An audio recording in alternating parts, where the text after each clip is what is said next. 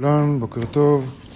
אנחנו נתחיל עכשיו אה, סדרה של אה, שיעורים על ראש השנה. אה, השיעור הראשון ואולי גם השני, אבל נדבר באופן כללי מה זה ראש השנה, ואחר כך ניכנס לעניין של הנסירה, שזה החלק חשוב שלא מדברים עליו הרבה בראש השנה.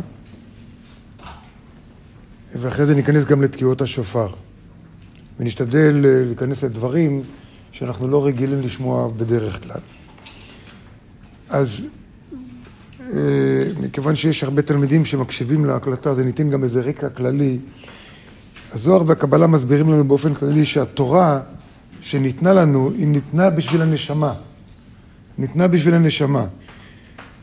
כדי שאנחנו נדע מה מתרחש בעולם האמיתי, בעולם הרוחני, העולם הרוחני שממנו באה הנשמה ולשם היא תחזור. מה זה אומר? זה אומר בעצם שהנשמה צוללת לעולם של, לעולם הגשמי והיא צוללת לעולם שהוא לא העולם שלה. העולם הגשמי הזה הוא לא העולם של הנשמות. זה לא מקום טבעי בשבילה.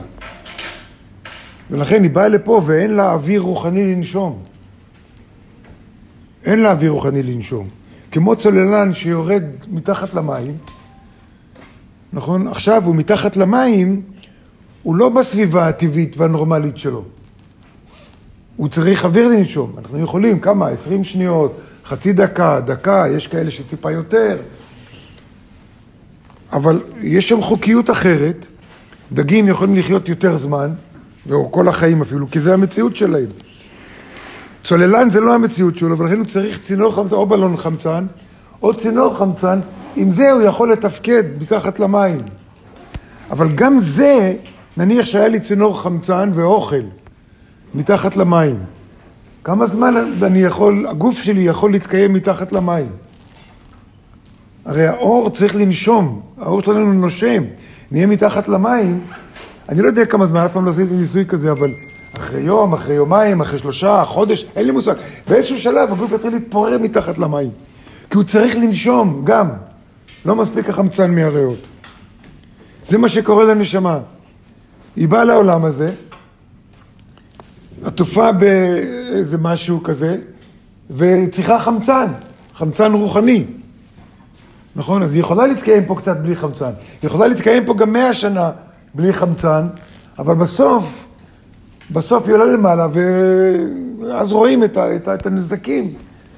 רואים את הנזקים למעלה. ונוסף לזה, הגוף שלתוכו היא נכנסת, גם, גם זה לא בדיוק המקום הטבעי שלו, ובסוף הוא מת. במילים אחרות, התורה נותנת לנו את הידע איך, איך להתחבר לחמצן רוחני, לנשמה. בשביל זה ניתנה לנו התורה. וספר הזוהר וחוכמת הקבלה רק מפענחים את הידע שקיים בתורה, כי גם הידע הזה בא בצורה של צופן. זה באופן כללי. אז המטרה היחידה של התורה זה לתת חמצן לנשמה, לגלות לנו מה טוב לנשמה ומה לא טוב לנשמה. מאוד פשוט. בשביל זה ניתנה התורה. לא בשביל דתיות, לא בשביל אורח חיים, לא בשביל שום דבר. מה טוב לנשמה מה לא טוב לנשמה. וחלק מהטכנולוגיה של מה טוב לנשמה, חלק מהחמצן שהנשמה מקבלת זה החגים למיניהם, וספציפית עכשיו מדברים על ראש השנה, או תקופת החגים בכלל, תקופת החגים. עכשיו, תקופת החגים הזאת, היא מועברת אלינו באמצעות הירח, והירח הוא קובע, ולכן כתוב בכסל היום חגנו, כלומר, ראש השנה מתחיל כשאין ירח עדיין, וזה הולך, הולך לכיוון של סוכות, סוכות חייב להיות בירח מלא. הירח הוא נותן לנו את האינדיקציה הנכונה. אבל סך הכל, כל מה שיקרה לנו במהלך החגים זה חג אחד גדול. זה חג אחד גדול של תהליך שמתחיל, מתחיל מתי? מתחיל באלף בתשרי. באלף בתשרי אנחנו אנחנו משחזרים את בריאת העולם, מה שקרה בזמן בריאת העולם. לכן המילה בראשית זה אותיות באלף תשרי. המילה בראשית, באלף תשרי. כי, כי בראש השנה אנחנו יכולים לחזור בזמן ולהתחבר למה שקרה בתחילת הבריאה. אבל הבריאה הייתה שישה ימים או שישה שלבים. מה שחשוב לדעת, מה שחשוב לדעת זה שאם לא היה נברא האדם, לכל הבריאה הענקית הזאת אין שום משמעות של כלום.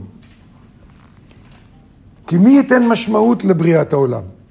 כלבים יכולים לתת משמעות, עצים יכולים לתת משמעות, לוויתנים יכולים לתת משמעות. האדם נברא והוא או נותן או רואה את המשמעות של הבריאה. לכן היום השישי שבו נברא האדם, זה נחשב ליום בריאת העולם. למרות שטכנית בריאת העולם מתחיל ביום א', ביום אחד, פרקטית, עד שלא נברא האדם, כאילו העולם לא קיים, כי אין מי, ש... אין מי שיהיה מודע ל... ל... לעולם שלנו. מבחינתנו זה יום השישי, וראש השנה הוא היום השישי לבריאת האדם. הוא היום השישי לבריאה. עכשיו, כשהאדם נברא, כשאדם נברא, אנחנו נדבר על זה בפרטים יותר, אבל באופן כללי, אדם נברא, הוא נברא יחד עם חווה ביחד.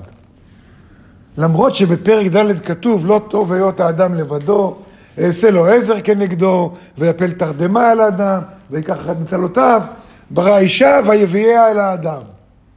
נראה כאילו האישה נבראה הרבה אחרי אדם, והתשובה היא לא. הם נבראו ביחד, וזה כתוב בתורה.